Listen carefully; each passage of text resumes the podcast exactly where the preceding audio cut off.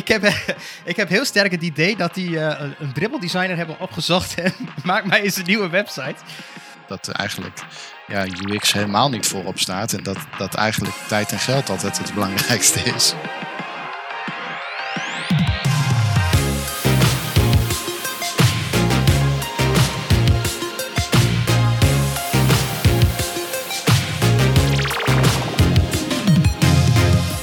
Welkom bij de Pixel Paranoia podcast. Ik ben Mikelle en samen met mijn co-host Rick gaan we alles behandelen rondom UX, UI en frontend development.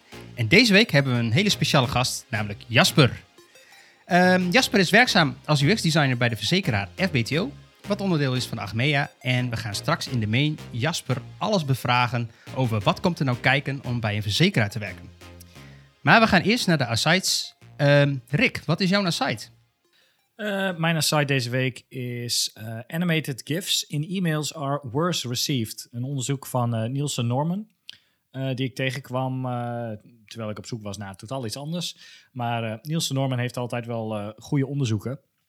En ik vond dit wel interessant. Het, ging, het is een onderzoek over of het toevoegen van gifjes in e-mails toegevoegde waarde zijn.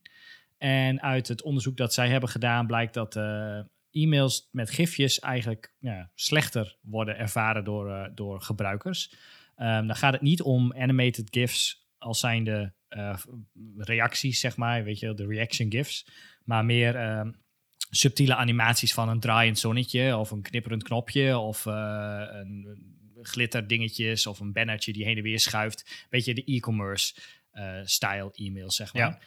Ja. Um, nou, uit het onderzoek bleek dat um, de 40%, de e-mails met gifjes, 40% negatiever werden beoordeeld dan uh, statische e-mails met gewoon plaatjes. Um, en dan voornamelijk met de woorden annoying, distracting, impersonal en cheap. Uh, wat ik wel interessant vond. En hun, hun, ja, hun suggestie is eigenlijk ook van als uh, e-mails. Je, je moet zeg maar saaie e-mails niet gaan opleuken met gifjes, omdat het een eenmaal een saaie e-mail is en je het gewoon leuk wil maken. Ja, want het is wel echt een, een, trend aan het worden volgens mij Ik zie het echt best wel vaak de laatste tijd. Ja, voornamelijk in e-commerce uh, e-mailings inderdaad. Uh, en dan gaat het inderdaad om, ja, om, om van die ja, zinloze animaties, om het zo maar te zeggen, die niks toevoegen. Um, wel gaven ze aan dat als uh, het gaat om e-mails die met gifjes waarbij een productdemonstratie wordt gedaan, dus waarbij een product wordt, ja, eigenlijk in, een gifje wordt uitgelegd wat het doet. Een stofzuiger die heen en weer gaat of een, ja, noem, noem iets. Een product dat wordt, dat wordt gedemonstreerd en beweegt. Uh, dat wordt wel als, als positief en waardevoller ervaren. Maar gewoon zinloze animaties in een e-mail omdat het kan, uh, voegt niks toe. En, en iets als eh, moet ik dan ook zo denken aan een, aan een weet je wel, zo'n bewegende mock-up, zeg maar, van je applicatie of zo? of van een dienst, hoe bepaalde functionaliteit werkt? Of? Ja, nee, bijvoorbeeld uh, uh, animaties van een app. Om, om aan te geven hoe, de, hoe de app eruit ziet, dat werd als wel positief ervaren. Maar ja, precies. Eh, in, een voorbeeld inderdaad van een, een knopje die knippert, een, een glitter dingetje met kerst, een, een draaiend zonnetje tijdens een summer sale of zoiets dergelijks. Dat werd uh, als, als cheap, goedkoop uh, en, en afleidend ervaren. En dan werden statische e-mails die kregen betere beoordeling als zijnde dat het, nou, uh, het betrouwbaarder was. Dus dat vond ik wel een interessante onderzoek en iets om, om rekening mee te houden. Is natuurlijk ook een beetje wat je tijdens het maken van websites en designs doet. Animaties moet je toevoegen omdat het iets toevoegt voor de gebruiker, niet omdat het ja, om je website maar mee te vullen. ja, omdat het kan inderdaad. Nee, eens. eens. Oké. Okay. Uh, Jasper, heb jij ook een site? Ja, mijn, eh, mijn site is uh, dat ik het graag zou willen hebben over een design deck. En uh, ja, wat voor toegevoegde waarde dat kan bieden. Voornamelijk denk ik in, in, in, een wat grotere organisatie waar meerdere ehm, ja, mensen met jouw ontwerp aan de slag gaan. om iedereen ook eigenlijk mee te krijgen in de keuzes die zijn gemaakt. Um, en voornamelijk ook omdat wij vaak uh, ja, doorlopend, um, eigenlijk aan verschillende verzekeringen uh, werken. En dan kan het zo eens een keer zijn dat we aan bijvoorbeeld een, een, een funnel van een verzekering een jaar niet werken. en juist een jaar later er wel mee, mee aan de slag gaan. En dat je gewoon soms wil terughalen, ja, welke keuzes hebben we destijds gemaakt. zodat je niet die niet opnieuw ter discussie hoeft te stellen. Ja, en, en hoe moet ik dit zien? Hoe, hoe, hoe werkt dit dan? Ja, ik kwam, ik kwam toevallig op in oktober door een video van Femke. die, die hele toffe UX-video's tips geeft eigenlijk op YouTube. Um, en daarin gaf zij aan van um, ja, level up your design documentation by using a design deck. Um, en het probleem waar wij heel erg tegenaan liepen is juist dat we heel vaak in discussie gaan over eigenlijk um, ja, uh, keuzes die we een jaar geleden al hebben gemaakt. Dus ik dacht, ja, dit, dit kan heel veel toegevoegde waarde bieden. En ik vind het heel belangrijk dat onze developers weten welke keuzes we hebben gemaakt en waarom. Um, en wat zet je nou in een design deck? Ja, dat kan eigenlijk uh, heel veel zijn. Um, ik heb die van, uh, ik heb de template eigenlijk van, van Femke overgenomen en eigenlijk getweakt naar, ja, naar wat ik waardevol vind. wat staat erin? Ja, gewoon um, een, een, een uitleg van wat is het project? welke problemen loopt, tegen welke problemen loopt de gebruiker aan? Uh, wat is de business impact als we, als we dit nou gaan, uh, gaan oplossen? Uh, wat is er in scope, wat is er niet in scope? op, op basis waarvan gaan we meten of hetgeen wat we ontworpen hebben ook echt succes behaalt? Ehm, ja, je, je kan um, onderzoeken erin zetten, dat doen we. We doen de keuzes, eigenlijk de, de designkeuzes die we gemaakt hebben. Kiezen we voor optie A of kiezen we voor optie B? Die zetten we er neer. de requirements zetten we eigenlijk tegenwoordig erin. En je hebt gewoon ook een, uh, een, een duidelijk uh, ja, wie er aan het uh, document heeft gewerkt, zet je erin, inclusief de e-mail. Zodat eigenlijk, ja, als er vragen zijn, dat mensen weten bij wie ze moeten zijn. Ehm, alle relevante documenten, linkjes ernaar doen we, die zetten we eigenlijk erin. Zodat je eigenlijk alles op één plek hebt. En, ja, het, klinkt, het, klinkt, het klinkt volkomen logisch ja. eigenlijk. Ja, ja alleen ja, hoe vaak heb je wel inderdaad niet, uh, niet keuzes gemaakt, A of B, en uh, ja, het, het, het, eigenlijk niet gedocumenteerd. En dat je vervolgens inderdaad uh, een half jaar later dat weer, ja, weer een soortgelijk probleem tegenkomt. En dan weer gaat afvragen van ja, waarom hebben we toen ook alweer die keuze gemaakt? Ja, en het klinkt altijd super saai. Hè? Documenteren van je design, dat, dat klinkt mega saai. Maar juist als je het in zo'n design deck zet, vind ik dat het. Um, ja, het wordt er gewoon leuk van om het op die manier bij te houden. En je ziet ook steeds een voortgang in zo'n project. En dat is wel echt, uh, echt tof. En ik merk echt dat, dat iedereen binnen de hele organisatie uh, dit echt gewoon uh, super waardevol vindt.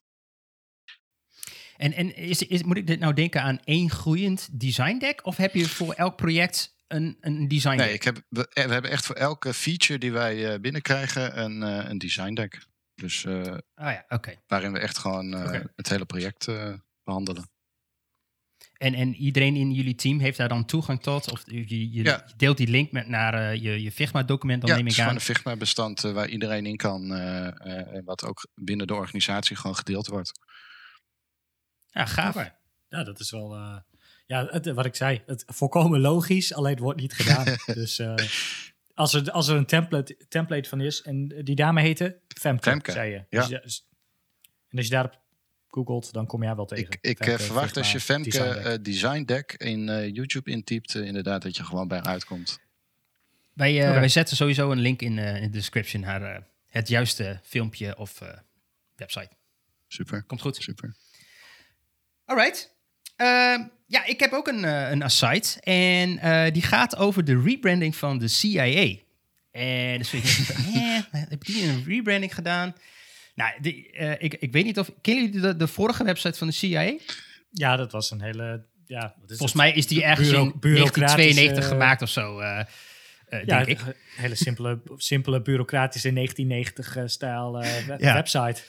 Nou ja, die, uh, ik, heb, ik heb heel sterk het idee dat die uh, een dribbeldesigner hebben opgezocht en maak mij eens een nieuwe website. Nee, uh, het, het gaat op, op Twitter en in de hele design community wel een beetje los over de rebranding. Want het is, het is wel een dingetje. Het is best wel apart. Het ziet er heel modern uit. En hun, hun focus was een beetje van, hey, we moeten nieuwe mensen recruiten voor de CIA. En, en hoe kunnen we die doelgroep nou aanspreken? En wat hebben ze gedaan? Ze hebben een website uh, vrij fancy en modern opgezet. eh, eh, met allemaal eh, fancy quotes en dingen die ze doen. En het ziet er heel technisch en, en, en hip en, en modern uit. Ehm, ik heb persoonlijk wel een beetje vraagtekens bij. Ook wel zoals veel andere mensen, eh, eh, wat ik zo heb gelezen. Omdat ik, ik denk ergens dat ze het doel een beetje voorbij zijn gegaan. Tenminste, dat gevoel heb ik helemaal. Want ik, ik heb nou niet meer echt van het vertrouwen van een, een overheidsorgaan dat daarachter zit.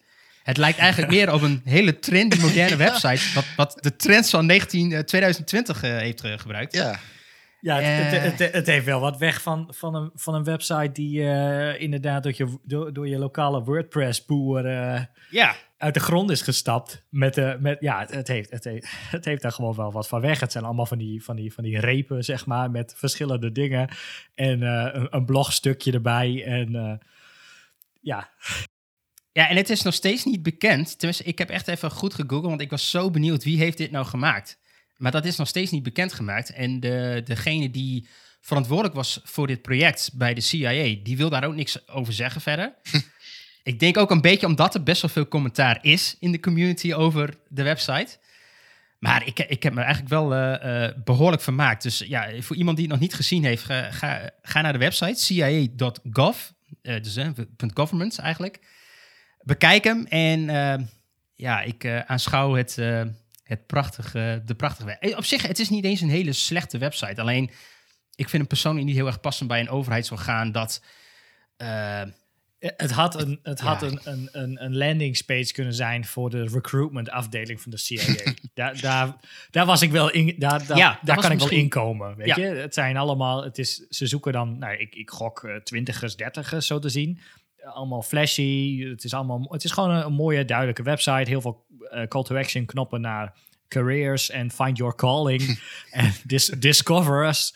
Dat soort, dat soort dingen. Maar inderdaad, om. eh, ja, het is een beetje alsof je de, de duo of Rijksoverheid website opeens eh, s- zo'n hippe website maakt. Het, het, ja, Ja. heeft wel ook wel weer wat weg van mijn, van mijn e-mails. Het is een beetje cheap, denk ik. Een beetje om, ja, het, heeft niet echt een, eh, een, een, een betrouwbare uitstraling, denk ik. ik ben ook wel heel benieuwd. eh, Wat is nou de doelgroep die op deze website komt? Wat voor, wat voor mensen gaan naar CIA.gov?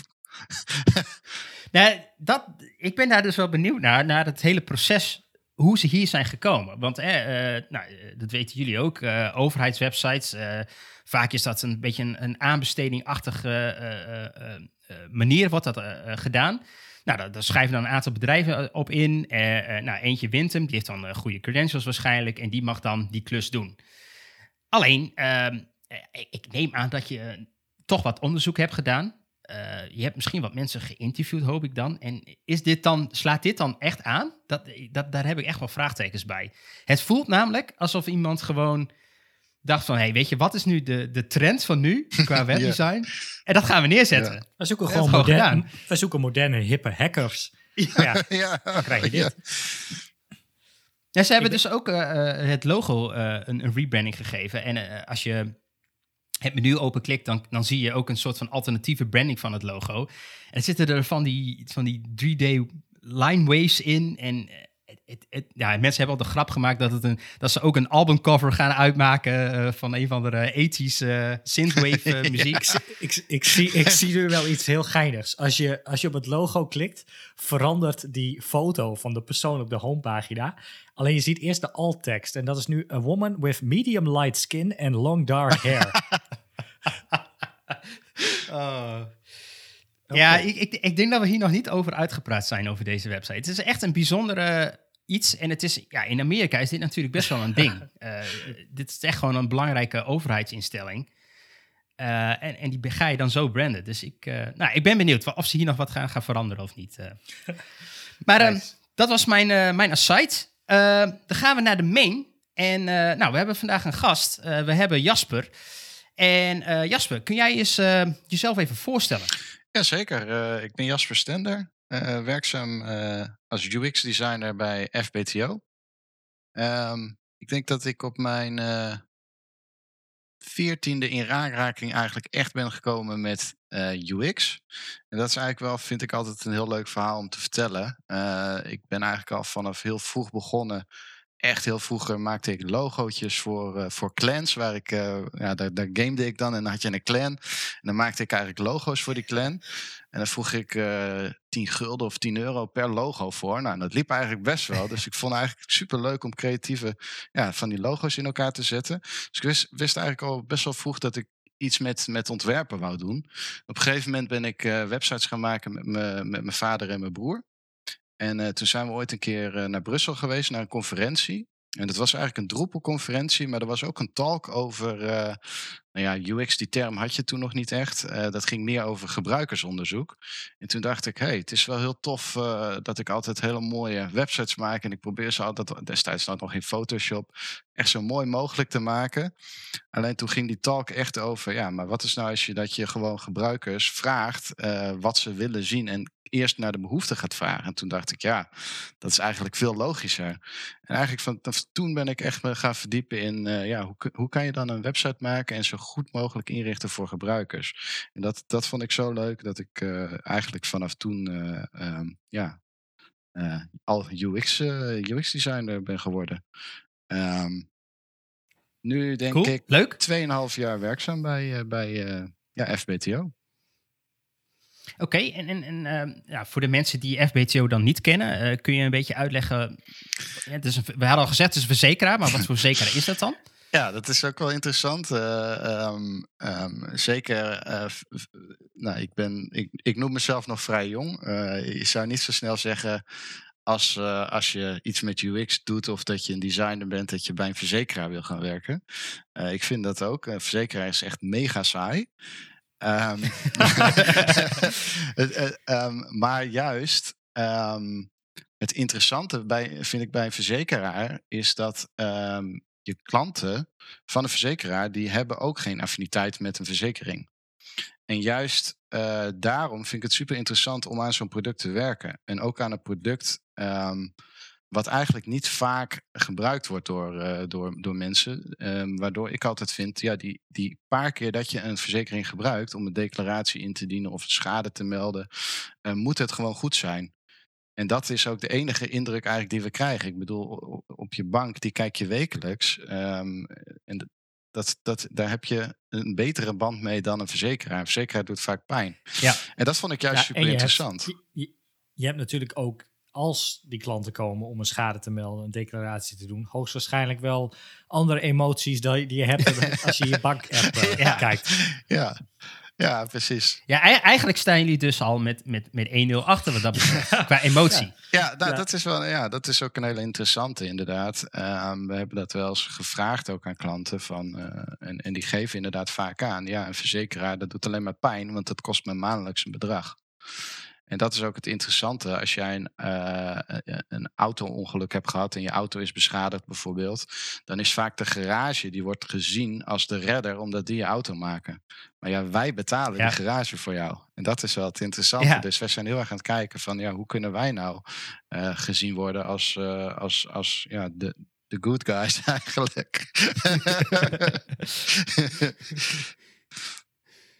Ja, dat snap ik, snap ik heel goed. Um, um, en en um, um, ik denk dat ja, dat is een heel nobel streven dus om, om, uh, om, om vanuit die hoek ook te bekijken. Uh, het is wel een lastige uitdaging lijkt het, om, om als verzekeraar de, de good guy te worden. Hoe, hoe, hoe doen jullie dat dan? Um, nou ja, of waar kun je dan winnen, zeg maar? Ja, ik denk juist dat je, en, en, en, dat is het voordeel van verzekeringen, dat, dat gelukkig niet heel veel andere UX-designers volgens mij het aantrekkelijk vinden om bij zo'n verzekering te werken. Dus er kan nog best wel veel gewonnen worden bij, bij verzekeringen. En dat zie je ook wel als je gewoon, nou, nou, noem maar een verzekeraar in Nederland op. Um, je komt er zelden omdat ze zo'n uh, goede gebruikerservaring hebben. En juist daarom denk ik dat je nog heel veel kan winnen op dit gebied. Um, ja. En zeker omdat klanten het steeds meer verwachten. Uh, maar ik denk dat je ja, gewoon met, met, met zo'n product, en dat, vond ik ook, en dat trok me ook heel erg aan bij een verzekeraar. Um, je werkt aan één product en daar werk je met heel veel mensen aan. En daar optimaliseer je steeds het product. En dat vind ik wel heel tof. Ik heb hier voorheen dan uh, voornamelijk uh, ja, kortere trajecten gedaan. Waarbij ik het altijd achteraf weer jammer vind dat je eigenlijk weggaat. Uh, en weer doorgaat naar eigenlijk voor jou een volgend uh, traject. Ja, je niet een verbeterslag uh, kunt doorvoeren op hetgene wat je hebt opgeleverd. Ja, precies. Ja. Ja, nee, dat, uh, dat, dat, maakt wel sens inderdaad. En je, je gaf aan net, sorry oh. Uh, een groot team. Hoeveel mensen, met hoeveel mensen werk je zoal? Um, ja, hoeveel mensen er precies bij FBTO werken is voor mij ook een raadsel. Uh, in, in, in ons team zitten... Veel. ja, heel veel. in ons team. Uh, en ik zit in het voorbereidingsteam. Uh, daar werken zes mensen. maar wij werken met ehm, ja, eigenlijk echt iedereen van FBTO. Van de klantenservice mensen die we heel veel spreken. Uh, om input op te halen van uh, ja, waar lopen klanten tegenaan. Uh, ja. ja. tot aan bouwteams en um, business teams eigenlijk. En je, je zegt voorbereidingsteam, wat, wat houdt dat in? Ja, het is um, we werken agile en uh, uh, met treinen. oh jee. ja. Get aboard. Get aboard, ja. Um, nee, wij zijn het voorbereidingsteam. Je moet het eigenlijk zo zien. Um, je hebt een, uh, een, een, een, business bij ons. je hebt een IT en, en, wij zitten dan bij IT als een voorbereidingsteam. Dat houdt eigenlijk in, wij krijgen vanuit de business bepaalde wensen. En die uh, wensen vertalen we eigenlijk door naar, uh, ja, naar oplossingen voor, uh, voor klanten. en eigenlijk als hapklare brokjes voor bouwteams, zodat het gebouwd kan worden. Dus je moet zien, okay. in ons team zit een, een architect. UX-designers hebben wij dan onderverdeeld in eigenlijk interactieontwerper, um, frontend um, en we hebben nog een business analyst. Um, ja, en dan gewoon een product owner en een scrum master. Dat is eigenlijk hoe ons team eruit ziet. Oké, okay. duidelijk.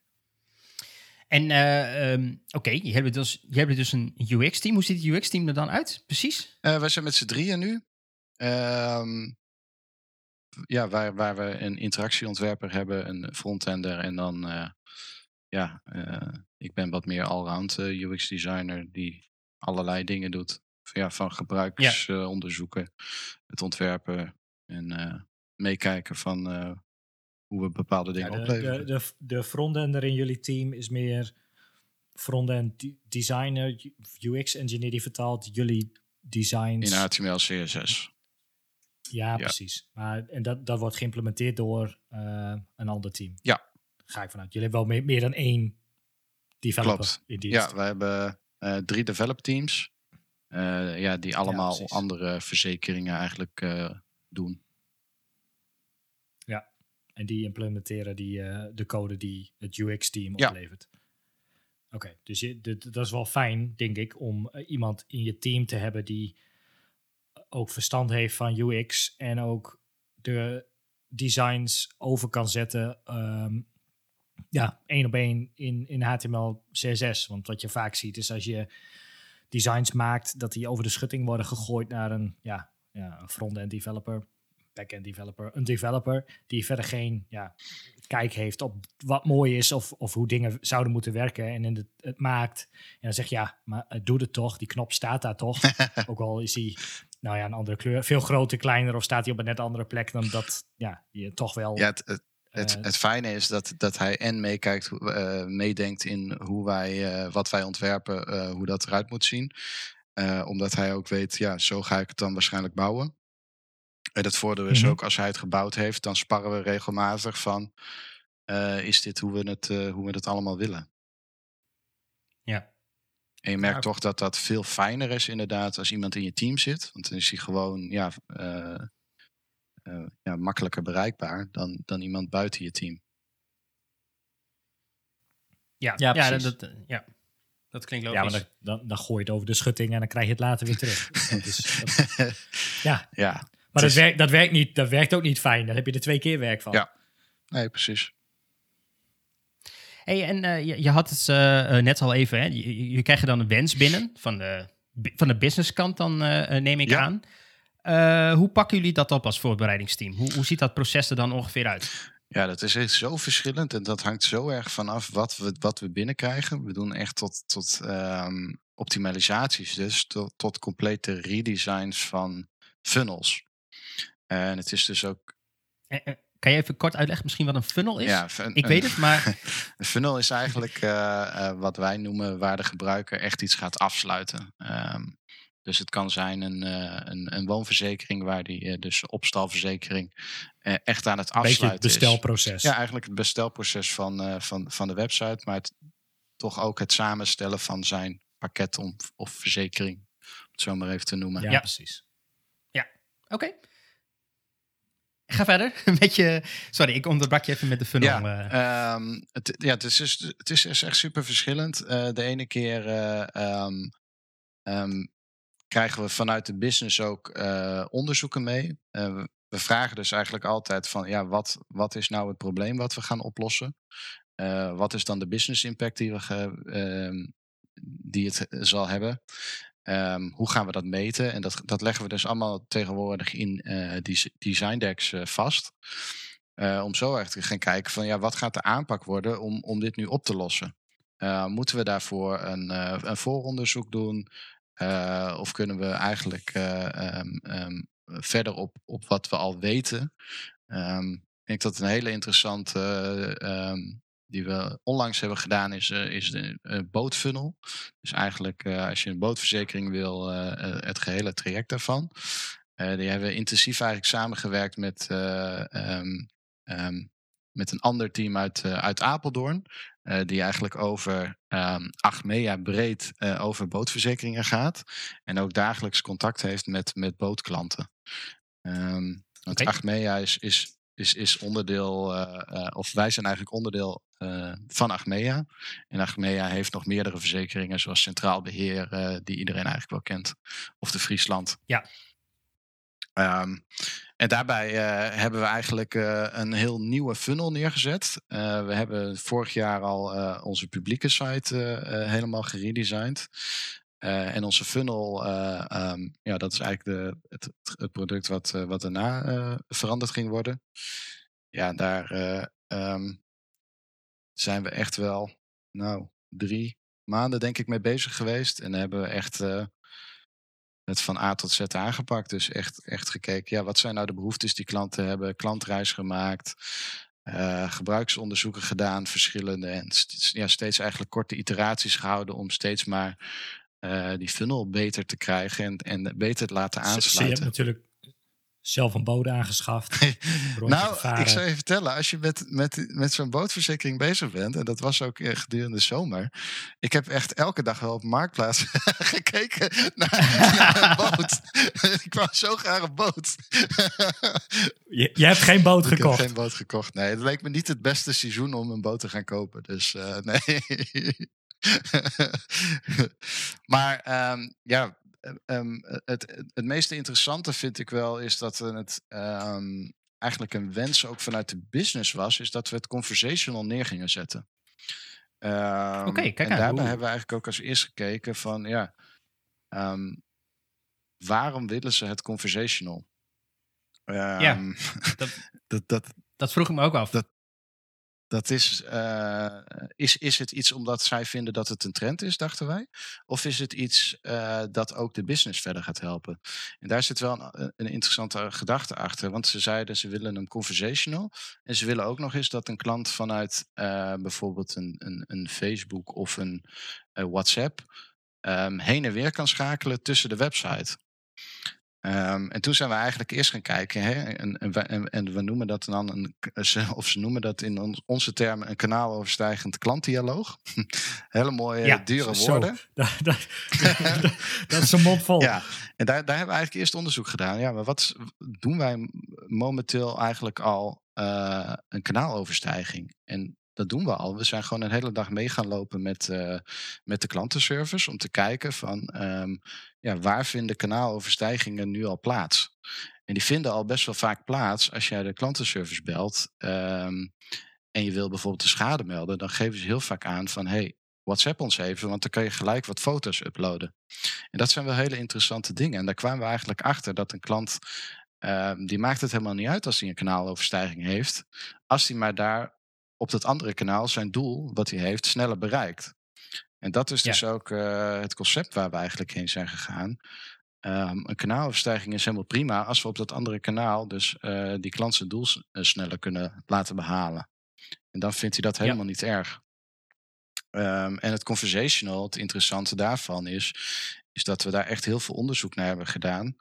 Um, maar voor ons is het heel lastig om uiteindelijk te gaan, gaan meten. Uh, gaat het uh, conversational uh, dialoog straks betere conversie opleveren dan het huidige? Um, en even voor luisteraars die niet helemaal doorhebben, misschien wat een conversational UI is. Dat betekent dat je het bestelproces van de website vraag voor vraag krijgt. In plaats van in één keer één groot formulier. Ja, dat is hoe wij het geïnterpreteerd hebben. Waarbij je ja, eigenlijk zo goed mogelijk probeert na te doen dat je tegen een echt persoon praat. Um, ja, meer een soort chat. een soort, uh, het kan een chat zijn, ja. Normaal, uh, het meeste wat ik tegenkom als ik erop op, op zoek inderdaad, is, zijn het vaak chatbots. Um, waarbij um, ja, de conversatie dus uh, net zo moet zijn als met een mens. Um, bij ons betekent het eigenlijk dat we stap voor stap uh, die klant meenemen in het proces waarin die zit. En hem eigenlijk begeleiden en helpen waar nodig. En dat is wel een hele interessante. En dat, dat hebben we ook echt getest. En dat is ook het waardevolle eraan. Is dat klanten veel meer focus hebben op hetgeen wat ze doen als je veel meer dingen op een pagina hebt, dan, dan zie je gewoon dat klanten over het algemeen of over iets heen scrollen of iets niet lezen. Terwijl als we het vraag voor vraag krijgen, dan zie je gewoon dat er veel meer focus is op de vraag. En um, dat je zo waar nodig ook die diepgang moet uh, inbouwen. Dat een klant zelf naar meer informatie kan als hij daar uh, eigenlijk een gelaagdheid inbouwt, als hij daar naar op zoek is. Ik kan me wel voorstellen dat dat bij, bij verzekeringen misschien relevanter zou zijn dan bijvoorbeeld bij een webshop. Uh, Omdat je natuurlijk bij een, bij een verzekering moet je best wel veel ja, belangrijke dingen invullen. Ja zou ik zeggen. Als je een auto verzekert, uh, misschien kilometers per jaar. Of, ja, uh, schadevrije jaren, meldcode. Schadevrije jaren, ja precies. Allemaal van dat soort dingen. En met boten vast ook. Heb je ook allemaal van dat soort, dat soort vragen. Daar heb je in een webshop natuurlijk minder. En uh, daar is het misschien minder logisch om alle vragen los te gaan stellen. Maar bij een verzekeraar kan ik me best voorstellen dat het inderdaad wel handig is om die focus op één vraag te hebben. En dan ook inderdaad hulp te bieden bij het beantwoorden van die vraag. Ja, precies. Um, en, en wat nog een ander heel groot voordeel is, vind ik, is je kan veel beter meten waar mensen af gaan haken. Dus je ziet precies als mensen oh, afhaken bij schadevrije jaren, dat, dat we daar echt iets mee moeten en dat we daar verder onderzoek naar moeten doen. Waarom haken mensen hier op dit moment af? En dat denk ik, dat is denk ik ook wel één. Daar, hebben we nu nog niet, omdat we nog ja, niks live hebben gezet, uh, geen profijt van.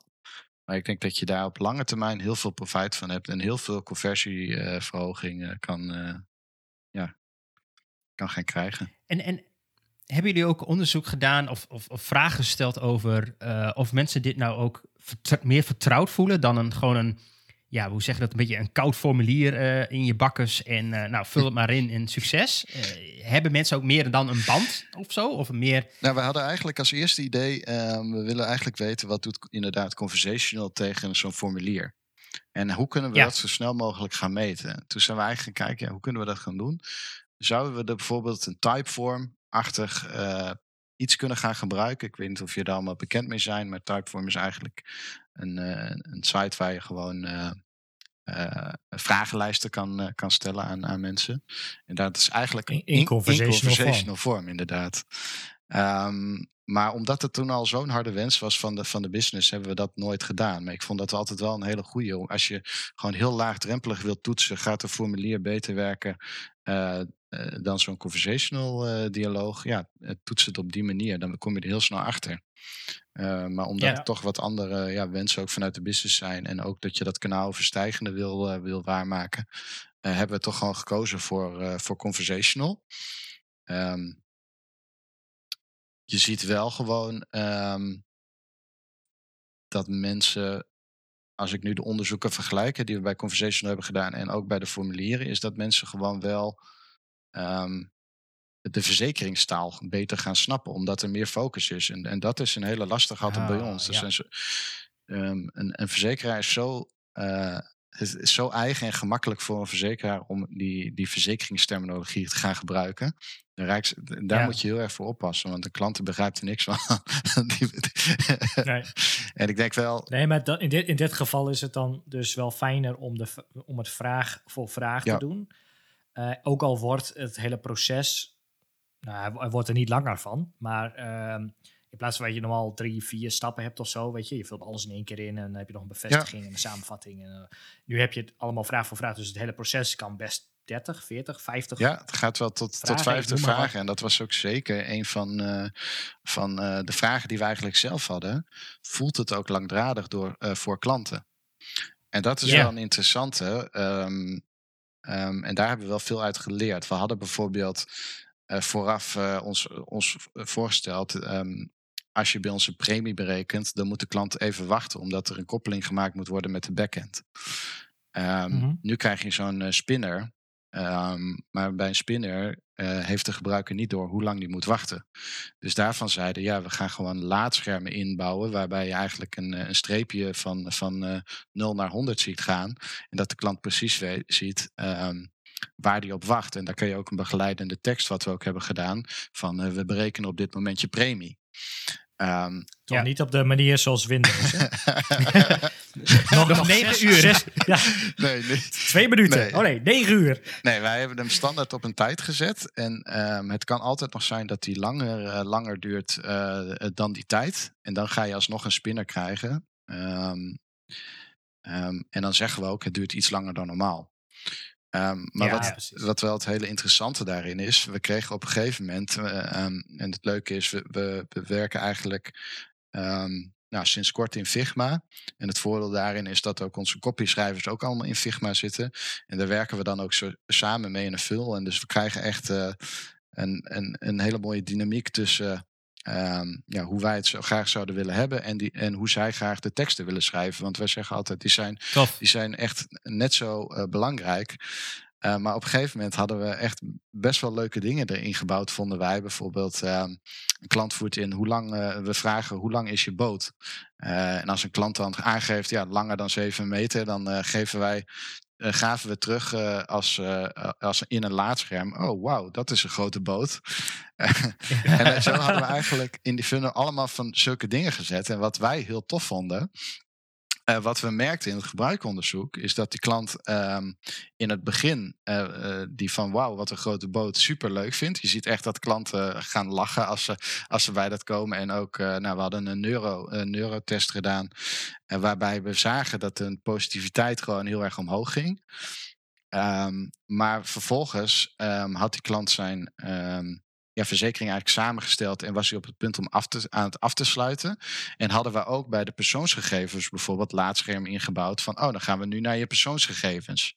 Maar die klant, je zag heel erg, ja, dat frustreert die klant, want die, op een gegeven moment heeft hij zijn beslissingen gemaakt en wil hij gewoon zo snel mogelijk afsluiten en, en klaar zijn eh, dat zijn verzekering klaar Ja. is. Dus we, wij hadden ehm, ja, daar allemaal laadschermen in gebouwd, die eh, we uiteindelijk allemaal weer er, eh, ja, we- weg hebben eh, gehaald, omdat dat gewoon eh, ehm, de klant eigenlijk uit zijn flow haalt.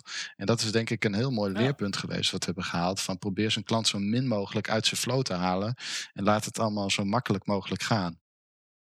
Ja, Ja. ja. dus heel selectief met dat soort dingetjes Ja. omgaan. Ja, dat is, maar dit is wel iets wat uit een, wat het, uit een onderzoek komt. Want in eerste instantie zou je zeggen inderdaad van oké, weet je, we doen perceived performance. Oftewel, we laten iets zien van hey, het systeem is bezig. Ik ga ervan uit dat het systeem bezig is als die persoonsgegevens ophaalt, opslaat of, of wat hij er dan ook mee doet. Maar dat is dus niet iets wat de gebruiker... Of, gebruiker wil wel een laadscherm bij het ophalen van de gegevens van een boot, maar niet bij de persoonsgegevens. Want dan is, hij- heeft hij de keuze gemaakt en dan wil hij gewoon een Gewoon eindsprintje door, ja. trekken. En ja, Ja. En we doen dat nou, kijk, we, we, doen het wel waar er geladen wordt. En ik vind, ik vind dit echt een, eh, een hele leuke. Die, die, eh, die, die eh, las ik gisteren, die een tekstschrijver had gemaakt. Als een klant ehm, bijna klaar is bij ons, dan moet hij alleen nog eigenlijk akkoord geven op de polisvoorwaarden die er zijn. En over het bedrag wat hij overmaakt. En dan ja, moeten wij ook eigenlijk een verbinding maken met de backend. Dus zijn we ook eigenlijk weer, kom je weer in zo'n laadscherm. Alleen het leuke, ik vond het echt een leuke. Ze heeft geschreven: Ahoy, je kunt bijna aan dek. ah, die is leuk, die is leuk. En, en, en ik denk goed. juist, ehm, met zulke dingen maken we het iets luchtiger. eh, eh, en, Ja, en, ja. en- En dan hebben jullie ook een bepaalde doelgroep, zeg maar? Want ik kan me voorstellen dat Ahoy, welkom. wel, ahoy, ahoy, je kunt bijna denken dat dat niet voor iedere doelgroep. Nee, uh, uh, ja, onze, onze doelgroep is wel echt uh, een, een, de ondernemende Nederlander, om het zo maar te noemen. Um, die zijn eigen keuzes maakt. We zijn dan, onze slogan is jij kiest, waarvan wij zeggen elke, elke klant van ons is zelf in staat om zijn eigen keuzes te maken. Um, maar ik denk juist met, ja, met zulke dingen, je moet, je moet het gewoon gaan toetsen, gaan AB testen wat, uh, wat beter gaat werken. Um, of het wel kan of niet ja. kan. Ik ben altijd van mening uh, um, ja, dat je het gewoon moet gaan toetsen. En, en dat je er dan pas echt uh, achter komt of iets wel of niet positief werkt. Ja, ja. ja dat kan ik me voorstellen. Maar ik heb nog, nog niet ja, op die manier bij andere verzekeraars gezien. En ik denk juist dat je daardoor uh, wat afkomt dat een verzekering super serieus is. En het is natuurlijk super serieus. En we zien ook uh, dat klanten dat helemaal niet erg vinden. Um, ik denk dat je, ja, wij, wij hebben in ons uh, design principle staan dat we verrassend willen zijn. Ik denk dat dit een hele mooie insteek daar, daarop is. Ja, jullie zeker. hebben vorig jaar, twee jaar geleden, ook een complete redesign gedaan van de website, ja. toch? Ook anders, out of, out the, box. the box. ja. In ieder geval ja, als je, als je hem naast andere verzekeraars legt, uh, een beetje CIA-dingen. Alleen dan uh, wel goed gedaan. Uh, ja, dat, dat het gewoon ja, niet. Uh, ja, hij springt er wel uit. Het is wel anders. Voor, voor inderdaad ja, de, de jongere, actieve, ondernemende doelgroep. Ja, ja, we hebben dan ook als doelstelling dat we de meest digitale verzekeraar willen worden van, van Nederland.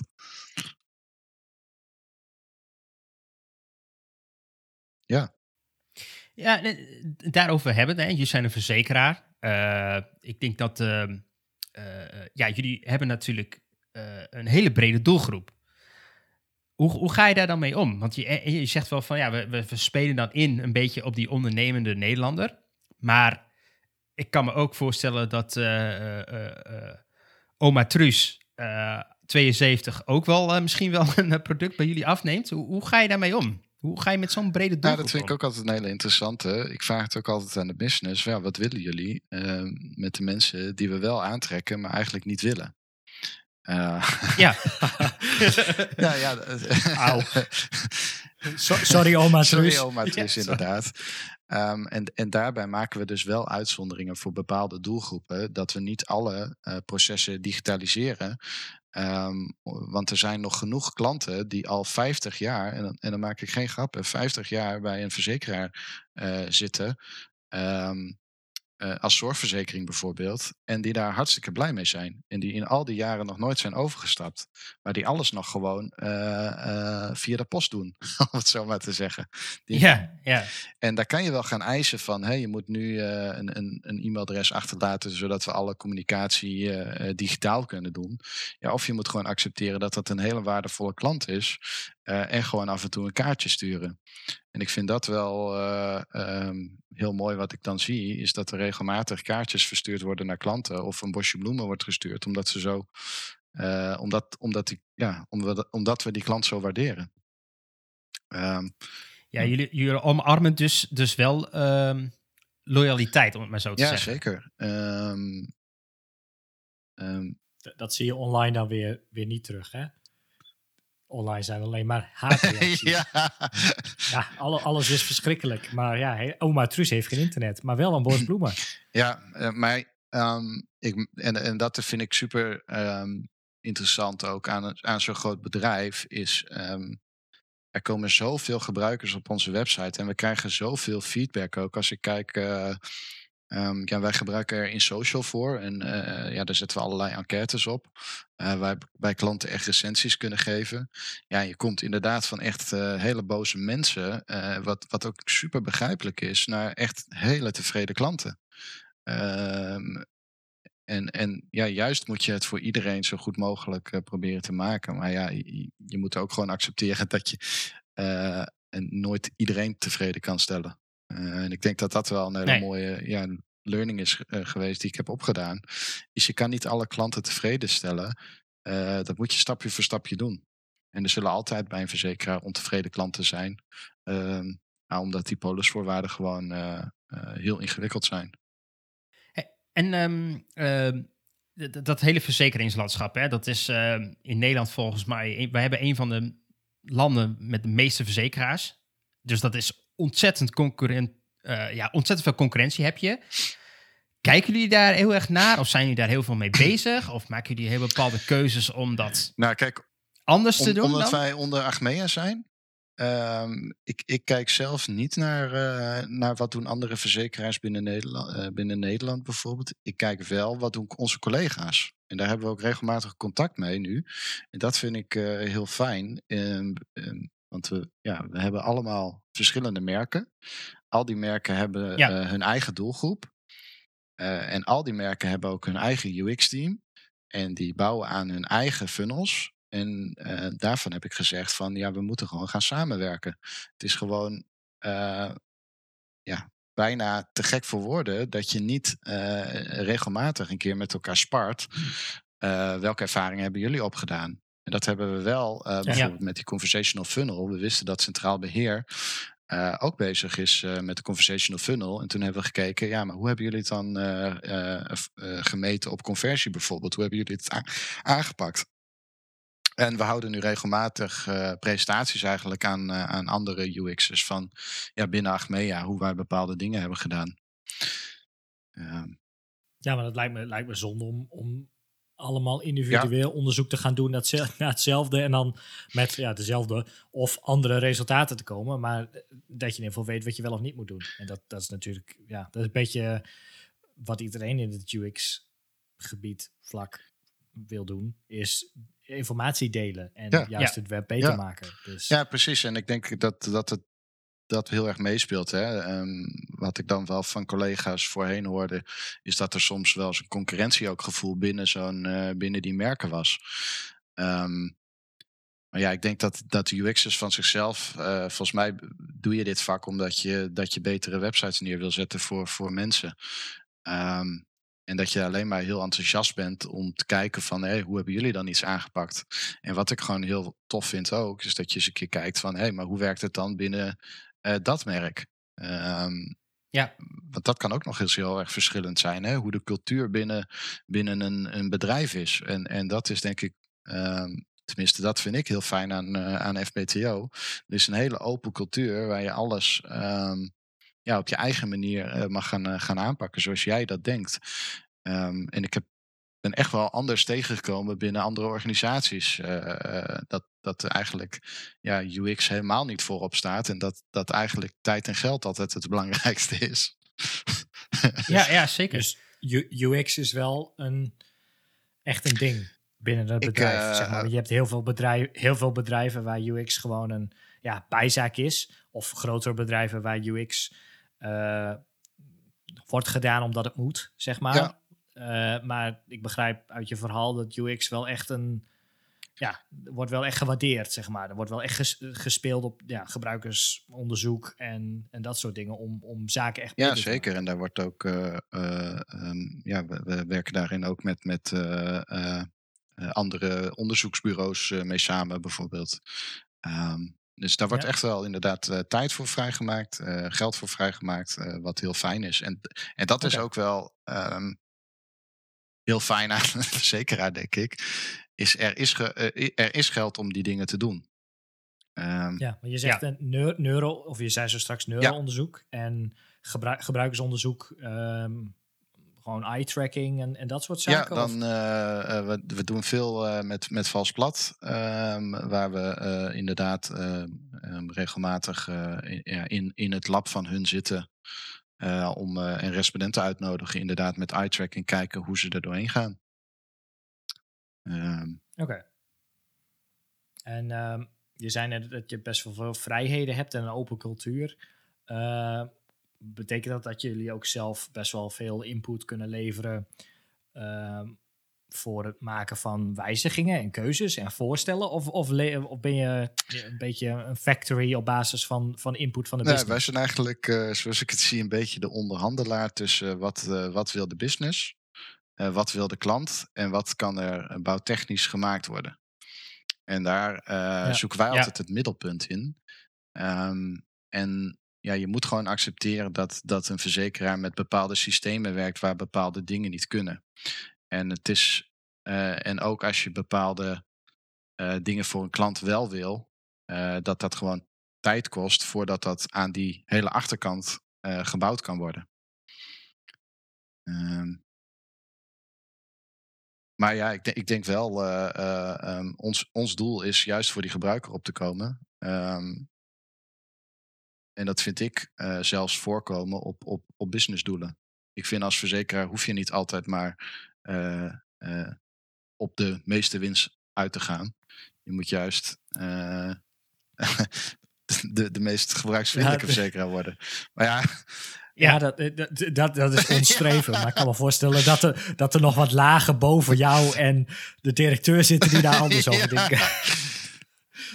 maar Nou ja, je, je haakt daar, ik, ik vind wat, dat je daar wel wat interessant zegt. Want eh, ehm, zeg jij dan ook van, weet je, UX kan wel onderdeel zijn om die eh, omzet te verhogen? Ja, maar je, we gaan niet. eh, ehm, ehm, kijk, je, je kan UX ook op een foute manier toepassen, waarbij je altijd maar eh, ehm, ehm, zoveel mogelijk klanten zoveel mogelijk willen laten afsluiten, zonder dat ze eigenlijk weten wat ze afsluiten. Mijn doel is dat. Ja, Of een- pure verzekering, verzekering niet kunnen stopzetten. Ja, maar ja, nou, ja precies. Eh, eh, eh, eh, Het, het is dus niet dat jullie een pure focus hebben op conversie. Dat het alleen maar om nee, conversie gaat. niet. Alleen Eh, maar, ehm, en en eh, die wens is er natuurlijk altijd wel vanuit een business, maar die wens is er niet van, vanuit mij. Eh, persoonlijk vind ik dat ehm, voordat ik hier werkte, ik wist niks van verzekeringen. Als je een verzekering moet afsluiten, je weet bijna niet eens wat je afsluit. Mijn doel is dus eigenlijk dat, dat ik ervoor zorg dat elke gebruiker weet wat hij afsluit, daarmee akkoord gaat met het bedrag wat hij daar ziet. En dan gewoon blij is als hij en ook weet van hé, hey, ik heb nu mijn telefoon laten vallen in het buitenland. Ik krijg nu gewoon een nieuwe telefoon. Ik hoef me daar niet druk om te maken. En ik denk, Ja, denk dat ja. dat een hele mooie uitdaging is om, om dat voor elkaar te krijgen. Dat iedereen zich ook bewust is. En dat maakt het interessanter weer, is dat niemand affiniteit met, met al die verzekeringstermen heeft. Eh, maar je toch wel eventjes wil weten als je je verzekert dat, het goed dat je in ieder geval goed gedekt bent. Ja, eens. Ja, dat- die voorwaarden zijn altijd eh, verschrikkelijk. Lap van de Ja. tekst. Ja, probeer maar eens uit te zoeken. Er is, al- ja, je hebt altijd een beetje het idee dat zo'n verzekeraar dan eronderuit probeert te komen van ja, nee, eh, je telefoon viel inderdaad op je, op je drempel en dat is net buiten je huis. Dus eh, helaas, daar heb je geen verzekering voor. Alright. Hey, en ehm, eh, eh, nou ja, eh, ik ken de verzekering wel het ook een beetje. Eh, ehm, eh, elk jaar mogen wij als alle Nederlanders lekker switchen van zorgverzekering. Ehm, dat is wel een hele happening voor jullie, of niet? Ja, dat is altijd een, een- een- Hoe, hoe, hoe werkt een dat? groot feest. nee, die aanloop daarvan is super hectisch. Ehm, ja, elk jaar is het weer spannend ehm, om, om, eh, eh, om, om te zien eh, ehm, ja, hoeveel mensen er overstappen en hoeveel mensen er blijven. Zorgverzekering is toch een van de grotere verzekeringen die FBTO heeft. Naast de Ja. autoverzekering eigenlijk. Ehm, en dus ook heel belangrijk. En juist zie je dat, dat nou ja, je kan eh, vanaf een bepaalde datum aan het einde van het jaar dus eh, zo, eh, de zorgverzekering weer afsluiten inderdaad en switchen. Je ziet ook dat dat heel veel Ja. gebeurt. En je ziet ook juist dat dat heel veel gebeurt op de laatste dagen. Ehm, Want niemand heeft er zin in. want niemand heeft er zin in. Ik heb het, ik heb het zelf op, op 31 december om 8 uur 's avonds gedaan. Dat ik dacht, oh ja, ik, ook, ik ook. overstappen. ja, ehm, Over, overstappen naar FPTO. nee, naar, naar Zilveren Kruis eh, ben ik overgestapt. Ook, Oh. o- o- Ook Achmea. Achmea, oké. Hey, maar, maar, hoe, hoe bereiden jullie dat, dat, dat seizoen voor dan? Hoe, hoe, ga- hoe, werkt dat, hoe gaat dat in zijn werk? Eh, beginnen jullie daar al, al halverwege het jaar mee? Of is dat echt op het laatste moment? Of hoe ziet dat proces Ehm, eruit? En wat zijn de grootste, grootste dingen waar je rekening mee moet houden, denk ik, UX-wise? Nou ja, kijk, ehm, dat is eh, de funnel die we nu hebben staan, de verkoopfunnel. ehm, dat is er al een die al een, aantal jaar nu staat. we hebben denk ik twee jaar geleden echt een, een wat groter redesign op die funnel gedaan. Waar we ook gebruiksonderzoek hebben gedaan in samenwerking met Vals Plat dus. Ook eye tracking en alles gedaan en gekeken. Ja, hoe gaan klanten daar nu doorheen? dit jaar ehm, kregen we de opdracht dat klanten, wat voorheen nog niet kon, is dat als jij voor jezelf en je partner een verzekering afsluit, ehm, je eigen keuzes kan maken. Uh, dus jouw man kan andere keuzes, andere pakketten eigenlijk, om het zo maar even te noemen, samenstellen dan jij. En jullie kunnen het tegelijkertijd afsluiten. En dat was voorheen okay. nog niet. En daar hebben we dan wel weer opnieuw heel, een heel onderzoek naar gedaan. Um, en er zijn in eerste instantie had je beide dezelfde verzekering. In eerste instantie inderdaad, als je voor je partner koos, uh, uh, dan had hij de partner dezelfde verzekering die jij samenstelde. Uh, en nu kan je zelf voor jou en je partner of je kind samenstellen wat je wil. het leuke daarvan is dat we dat hadden gemaakt en dat klanten dus aangaven, ja, maar ik wil gewoon uh, precies hetzelfde wat ik uh, ook al had. um, en wat we daarvoor in hebben gebouwd is eigenlijk een knop. Uh, dat, dan is het weer dubbel werk. Ja, we hebben gewoon een knop ingebouwd die, die alles in één keer overneemt. Maar dat je nog wel wat kan tweaken. Want ja. de visio die, die jij wel heeft, heeft misschien je partner niet nodig. Um, ja, en we hebben heel veel eigenlijk kleinere optimalisaties gedaan die we ge-AB-test hebben. Um, Bijvoorbeeld uh, de korting die je krijgt uh, bij een eigen risico. Als je een hoger eigen risico kiest, um, krijg, je, krijg je meer korting. Um, die hadden we altijd in, ma in maanden staan. Nou ja, we hebben getest wat als we dat nou een jaar naar, daar neerzetten. En dan zie je gewoon dat er een kleine conversie-uplift is. Dat je in plaats van gewoon per maand doet, dus ja, 12 maanden er neerzetten. En dan lijkt het een veel groter bedrag. Uh, waardoor veel, mensen, veel meer mensen daarvoor kiezen. En dat is dan ook een wens vanuit de business. Is dat ze eigenlijk het liefste mensen, uh, klanten willen die een heel hoog eigen risico kiezen. Omdat dat vaak de klanten zijn die, uh, die weinig zorg ook nodig hebben. ja, part of the game. Ja. ja, dat is de business natuurlijk. Hey, en, en um, uh, uh, hoe ga je dan... Uh, want ik kan me ook voorstellen dat ja, elk jaar wijzigt de wet een beetje. moeten jullie dat dan ook allemaal doorvoeren? Hoe, hoe, hoe, komt dat bij jullie? Is dat dan... Is daar een persoon voor die met, jullie, met die informatie bij jullie komt? Met al die wetswijzigingen wat jullie moeten doorvoeren? Of een koffertje. ja. Um, Ergens in september ja. geschreven. ja, we hebben allerlei um, ja, juridische zaken inderdaad waar, waar wij aan moeten voldoen. Um, maar daar houden voornamelijk tekstschrijvers uh, uh, uh, heel erg rekening mee. En die hebben heel veel overleg daarmee. En dat vind ik altijd wel iets ja, okay. wat ik wat overdreven vind um, bij verzekeringen. Um, dat het soms nog, nog, ja, het is gewoon zo streng gemaakt en er zijn zoveel regels waar je aan moet voldoen. Um, waar ik heel erg discussies ook met, met, wel, met, met juristen over heb gehad. Van ja, maar dit maakt het niet gebruiksvriendelijker voor die klant. en dat moet wel nee. het doel zijn. Ik bedoel, het moet niet zo complex worden dat die klant er niks meer van begrijpt. Want um, ja, zeker als je uh, juridische mensen teksten gaat laten schrijven, daar word je niet heel vrolijk van. En, nee. en daar wordt de klant. Nee, dat is. Klant, uh, juridisch wel afgedicht, maar. Uh, ja, dus dat is ook meer. altijd een hele leuke uitdaging. Um, we zijn verplicht uh, bijvoorbeeld om, uh, om uh, boevenvragen te stellen, zo noemen wij het eigenlijk altijd. vragen die we stellen of een klant een, een, misdrijf heeft gepleegd in het verleden. En dat, dat zijn allemaal vragen die wij moeten stellen of we iemand kunnen accepteren of niet. Um, en die vragen hebben we dus ook uh, bij die bootfunnel veranderd uh, naar conversational. En daar heb ik ook wel een aantal wijzigingen voor gesteld, waar ik in discussie ben geweest met juristen. Maar uiteindelijk, e, elke jurist is er wel um, van overtuigd, als wij het makkelijker leesbaar maken en, en, en makkelijker verteerbaar, noem ik het altijd maar, voor die klant, ja, dan zijn, dan zijn zij alleen maar blij. Dat zijn, dat, dat zijn dan van die, die vragen die dan waarvan je denkt van dit zijn tien zinnen, maar is eigenlijk maar één zin. Of je tussen de afgelopen drie tot vijf jaar en niet tussen 1940 en 1945 ja. uh, dat soort ja. uh, betrokken bent geweest bij, dan wel aanschouwer ja. was van zoiets. Hey, en eh, ehm, eh, want jij hebt het, eh, nou toch, ik denk dat het in jullie vak ook belangrijk is, maar je hebt het veel over content. Is, is een content schrijver dan ook heel gebruikers, ja, heeft hij ook echt een gebruikersperspectief in zijn haar, haar of zijn achterhoofd en houdt hij daar rekening mee? Of is dat iets wat jullie ook nog wel moeten bijsturen vanuit UX gedachtes? Nou, het liefst had ik een, een UX copywriter bij ons in het team. Ehm, maar ik merk wel dat onze tekstschrijvers daar heel veel aandacht aan geven. Ehm, maar ik denk dat zij nooit zijn opgeleid om het op die manier te gaan schrijven.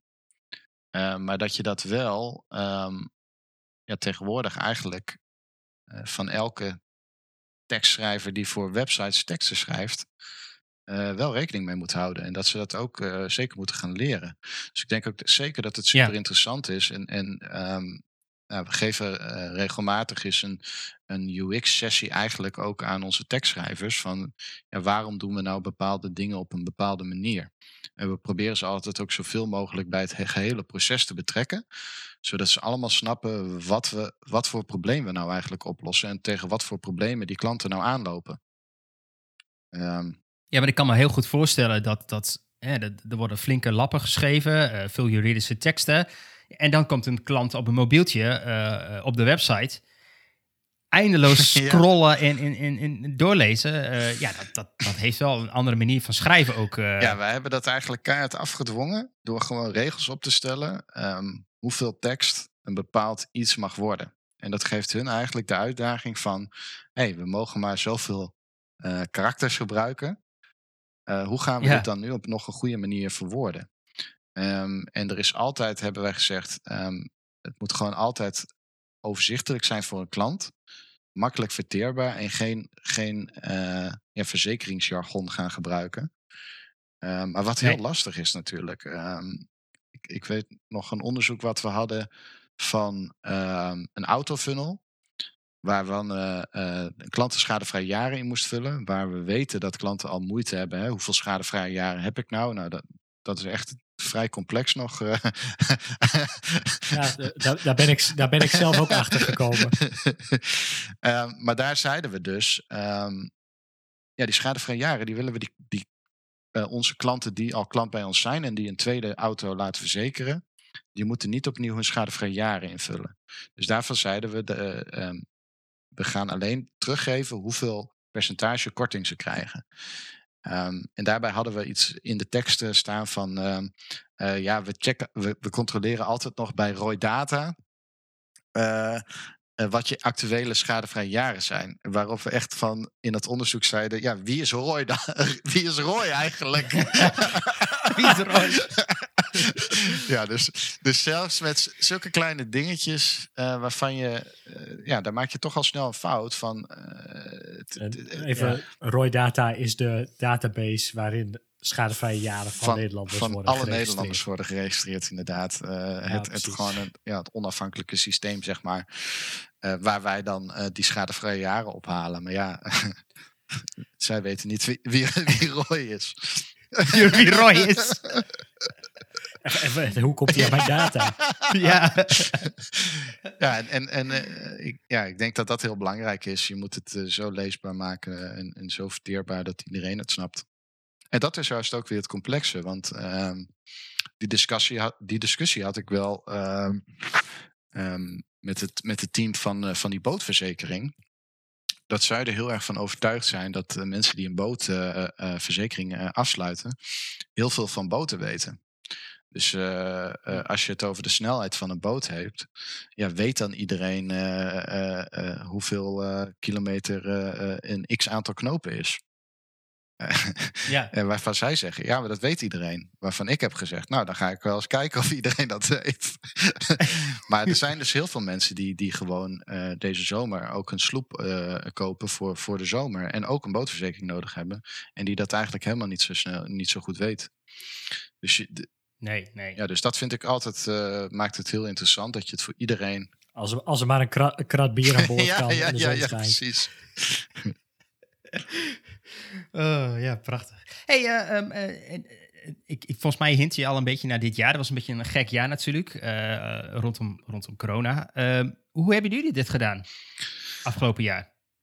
Ook met, met onderzoeken in het achterhoofd. En, en, en heb je alles remote gedaan? Ja, of? ik, ik ben één keer naar kantoor geweest. Nee, twee, één, twee keer naar kantoor geweest. Um, Eén keer uh, omdat, uh, omdat ik niet kon inloggen en uh, ik me moest verbinden met het, met het wifi-netwerk van Achmea.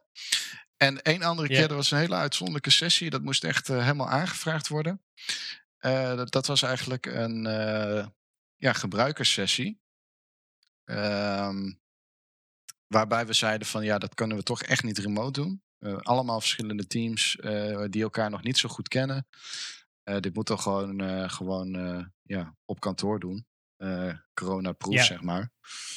maar voor de rest ja. ja werken we eigenlijk nou, bijna al een jaar thuis. Wat echt uitzonderlijk goed gaat. Ik zou eigenlijk zeggen, ik wil niet meer terug.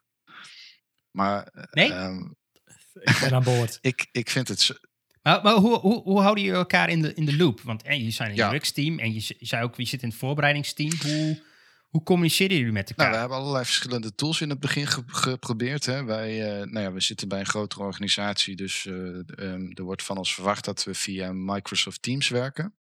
Ehm, wij hebben Ja. allemaal eh, MacBookjes en iMacjes eh, thuis staan, waarop we niet kunnen verbinden met, dat, eh, met, met Microsoft Teams en het gewoon niet zo soepel werkt. Dus we zijn eigenlijk gaan kijken, ja, welke toolings zijn er in het begin. En we hebben gewoon destijds gekozen voor Discord. Ehm, waar we gewoon allerlei kanaaltjes hebben. En wat ik het leuke vind is, eh, onze kantoor, eh, elke kantoorruimte of elke vergaderruimte heeft een, eh, een Elfstedennaam. Dus eh, je komt Franeker, Dokkum, Leeuwarden, kom je allemaal tegen. En onze eh, disc Ik Discord-kanalen die heten nu ook zo. Om toch nog een beetje de kantoorfeeling erin Kijk. te houden. Maar het, Dus dan zit je met het UX-team kom, laten we gaan vergaderen in Ja. Franeker. En dan... Ehm, het, het mooie ervan vind ik is, ehm, ja, wij kunnen alles wel remote doen. Eh, het gaat supergoed. Ehm als Ja. UX-team, ja, wij zitten eigenlijk gewoon continu met elkaar wel in een call. We, we, we ehm, muten eigenlijk gewoon eh, als we aan het werk zijn. Maar als er dan even een vraag is, dan unmute je gewoon. En dan hoor ik gewoon mijn collega die even vraagt: hey, eh, kan je even mee en mee hier kijken? Nou, dan kijk ik even mee. En dat werkt echt wel heel fijn. Terwijl ik als toen ik op kantoor was, toen had ik ja, nog veel meer mensen die naar me toe kwamen. En ik kan nu, ehm Ja. naar al die mensen die mij proberen te bereiken, kan ik gewoon zeggen: hè, eh, ik open nu even mijn andere laptop. En daar beantwoord ik al die vragen op. Dus voor mijn Ja, gevoel ben ik twee Dus keer zo productief. Ehm, en dat, dat vind ik super fijn. Ja, en ik heb een hele fijne werkplek. En ik denk dat dat heel veel uitmaakt.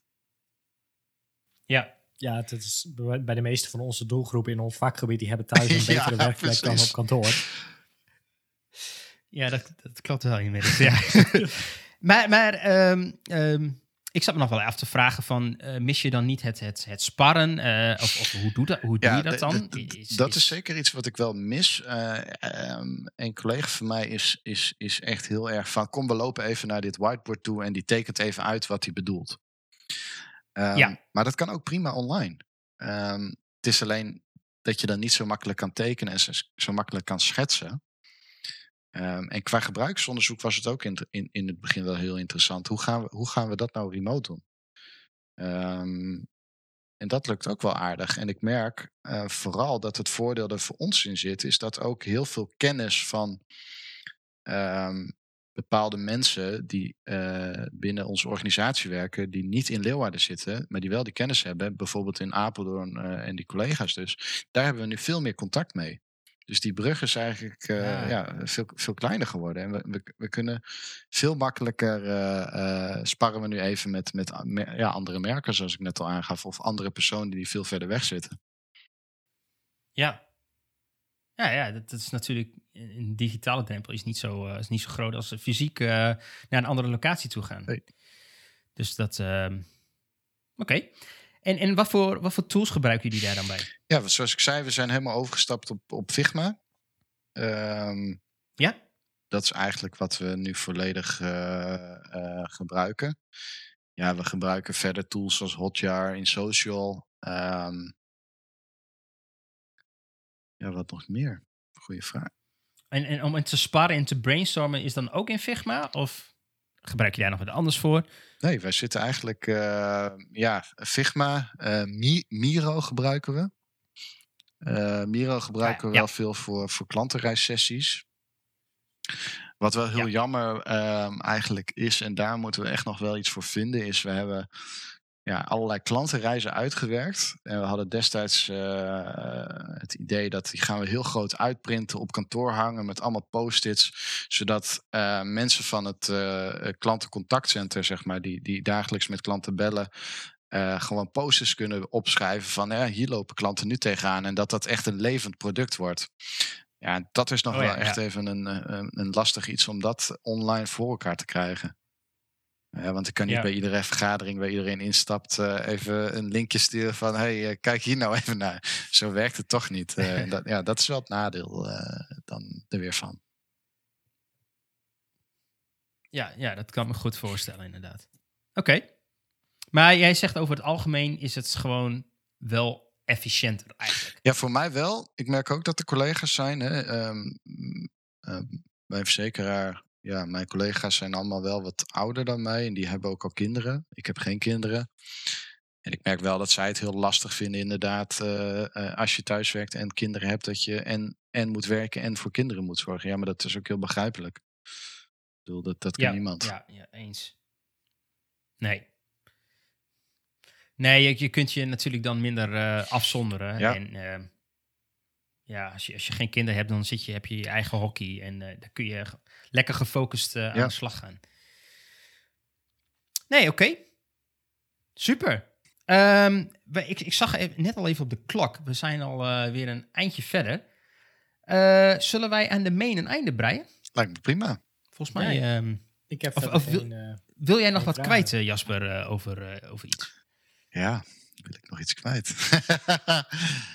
Iets, iets wat je denkt van, nou ja, dat, dat moeten mensen echt nog weten over de verzekeringswereld. Ja, ik, ik zou gewoon zeggen, lijkt het je echt uh, leuk uh, om of een keer een dag mee te lopen of iets. Ik, ik kan ik vast wel regelen. Of, of wil je gewoon eens een keertje sparren, één op één praten of, of meer weten hoe we dingen doen. ik, ik ben daar super open in en, en, en ik, ik, ja, ik ben er alleen maar voor om, om zoveel mogelijk kennis met elkaar te delen, zodat we met z'n allen toffere producten maken. Gaaf. Leuk. Nou, dat gaan we, gaan we zeker in de, in de omschrijvingen uh, toevoegen. Uh, hoe je contact kan opnemen met, uh, met Jasper. Um, dan gaan we door naar de footer. Um, Jasper, heb jij een, iets leuks voor in de footer? Ja, eigenlijk wel. Ik kwam uh, vandaag uh, uh, wel iets stofs tegen. Ik, ik, ik heb um, als, mijn, als ik een nieuw tapje open, dan opent een muesli. Ik weet niet of jullie daar bekend mee zijn, want anders zou het moeten... To toevallig alles over ah, gehad. Ah, we hebben het al over gehad in de intro aflevering. En daar nou, er komen allerlei nieuwe tooltjes en nieuws voorbij en leuke ontwerpen of nieuwe UX cases eigenlijk. En ik kwam eentje tegen, dat heette de Hex Test. Uh, waar je eigenlijk, uh, het is eigenlijk een game waarbij je twee kleurencodes uh, krijgt. En je moet een kaartje slepen naar ja, wat is nou de kleur die je ziet. Om zo je innerlijke nerdheid even naar boven te halen. het is mij gelukt om, om zeven kleuren achter elkaar juist te hebben. Netjes. Toen had je mazzel met zwart, wit, rood, geel. ja. Dus ik, ik zou zeggen, ja, als je even googelt op hex test. Ehm, ja, we zetten ja, het linkje zetten we erin. ja, we zetten het linkje in de descriptie. leuk. Leuk om af en toe even je hoofd te legen. tof, tof. Rick, heb jij een iets voor Ja, mijn tip is dit keer wederom een, een nieuws subscription, e-mail, service, tips, UI-tips, alles. Of nee, eigenlijk meer front-end tips. Het is voornamelijk gerelateerd aan code. Soms ook wat kleine UI-dingetjes. Maar het is uh, webplatform.nieuws. Um, ja, volgens mij hebben ze wekelijks, uh, dus niet dagelijks, zoals Sidebar, die ik eerder heb uh, aanbevolen. Maar uh, voor mij doen deze wekelijks hebben ze een soort ja, issues, zoals ze het zelf noemen. oftewel publicaties, waarbij ze één of meerdere ja, tips, highlights, nieuwe artikelen, nieuwe features. Ehm, nieuwe features die in browsers uitgerold zijn, die je nu in vrijwel alle populaire browsers kunt gebruiken, bijvoorbeeld, staan. Uh, allemaal van dat soort kleine leuke dingetjes. Kun je gewoon die e-mailadres invullen en dan krijg je één keer per week, dacht ik, eh, eh, een mailtje met eh, tips. Cool, cool. En is de kwaliteit daarvan ook een beetje goed qua artikelen? Ja, ja zeker. Ja, het, het- ze halen ze eigenlijk overal vandaan. CSS-tricks bijvoorbeeld. Ehm, Ja. Maar ook Nielsen Norman dingen. Het is gewoon, gewoon quality stuff. Oké. En het is wel heel interessant. Nice. Alright. Ehm, ja, ik heb ook nog een tip. Eh, het is eigenlijk een, een, iemand die je moet gaan volgen of bekijken. Of, nou, ik ben heel erg fan van. Ik, ik hou heel erg van, van gadgets en tech stuff. En ik kijk eigenlijk eh, bijna al zijn afleveringen. En dat is van MKBHD. Dat is Marquise Brownlee. Eh, ja, ik, denk dat heel veel mensen hem wel eigenlijk kennen. Want het is volgens mij een van de meest bekende eh, tech-YouTubers. Maar zijn, zijn, zijn productiekwaliteit van zijn filmpjes, dat is echt amazing. Eh, dat is echt, echt, die, echt high quality video's. En, Ja. en zelfs de, de, de shots tussendoor en de, de, de product video's. Zijn, ja, ik vind het gewoon echt sick. Ja, het is, eh, volgens, volgens mij heeft hij alles eh, op 4K op, op YouTube staan. Eh, hij gebruikt ook de, de meest bijzondere gear daarvoor, eh, eh, waar, waar sommige filmproducties Ja, nog der- 30 verkwijnen. k camera's en zo. Nee, maar die, die- eh, wat ik ook heel erg relaxed aan hem vind, is eh, hij, hij heeft altijd een vrij open en, en, en, en nou, best wel eh, kritische blik op dingen, ook al op bedrijven. Eh, eh, hij kraakt ze niet af, dat niet per se, maar hij is gewoon eerlijk over, over de kwaliteit en over, over dat soort dingen. En dat tezamen met de, de enorm hoge productiekwaliteit, ja, het is gewoon iemand die je echt moet volgen en ja, waar ik gewoon echt wel van kan genieten. En hij is professioneel frisbee player. Ja, ja, dat klopt. Waarvan ik Gaat- niet wist dat dat een ding was. Nee, nee, nou ja, en dat gaat samen met ook nog high quality YouTube video's maken. ja. Dus, eh, En hij, hij interviewt trouwens eh, af en toe eh, behoorlijk eh, eh, hoge CEO's. Dus moet je denken aan Elon Musk. eh, eh, met Bill Gates heeft hij al een interview gehad. Ik weet niet of hij met Jeff Bezos ook... Nou, maar in ieder geval met, met vrij... volgens mij Obama zelfs. Ja. Ja, dat was Ja, ja. remote. Dat was remote. ja. In ieder geval, eh, hij komt ze bij aardige eh, hoge pieven eh, aan het bureau te zetten. Dus dat is wel erg leuk. Dus eh, ja, dat was mijn tip eigenlijk. Ehm, ja, dan gaan we er een... ehm, is dit het einde alweer? Lange aflevering. We gaan wederom alles in de description zetten. Ehm, mocht je ons nog niet volgen... en wil je toch eh, genotified worden van de volgende aflevering? Nou, volg ons dan even. We zijn bereikbaar op Apple Podcast, eh, Spotify, Google Podcast of een van de andere eh, podcast apps. Eh, je vindt ons wel, Pixel Paranoia. En eh, mocht je nou wat hebben, mocht je nou een tip hebben, eh, ga dan even naar onze website, naar het contactformulier en dan eh, ja, plaats even wat. Dan eh, nemen we dat een keer mee in onze aflevering.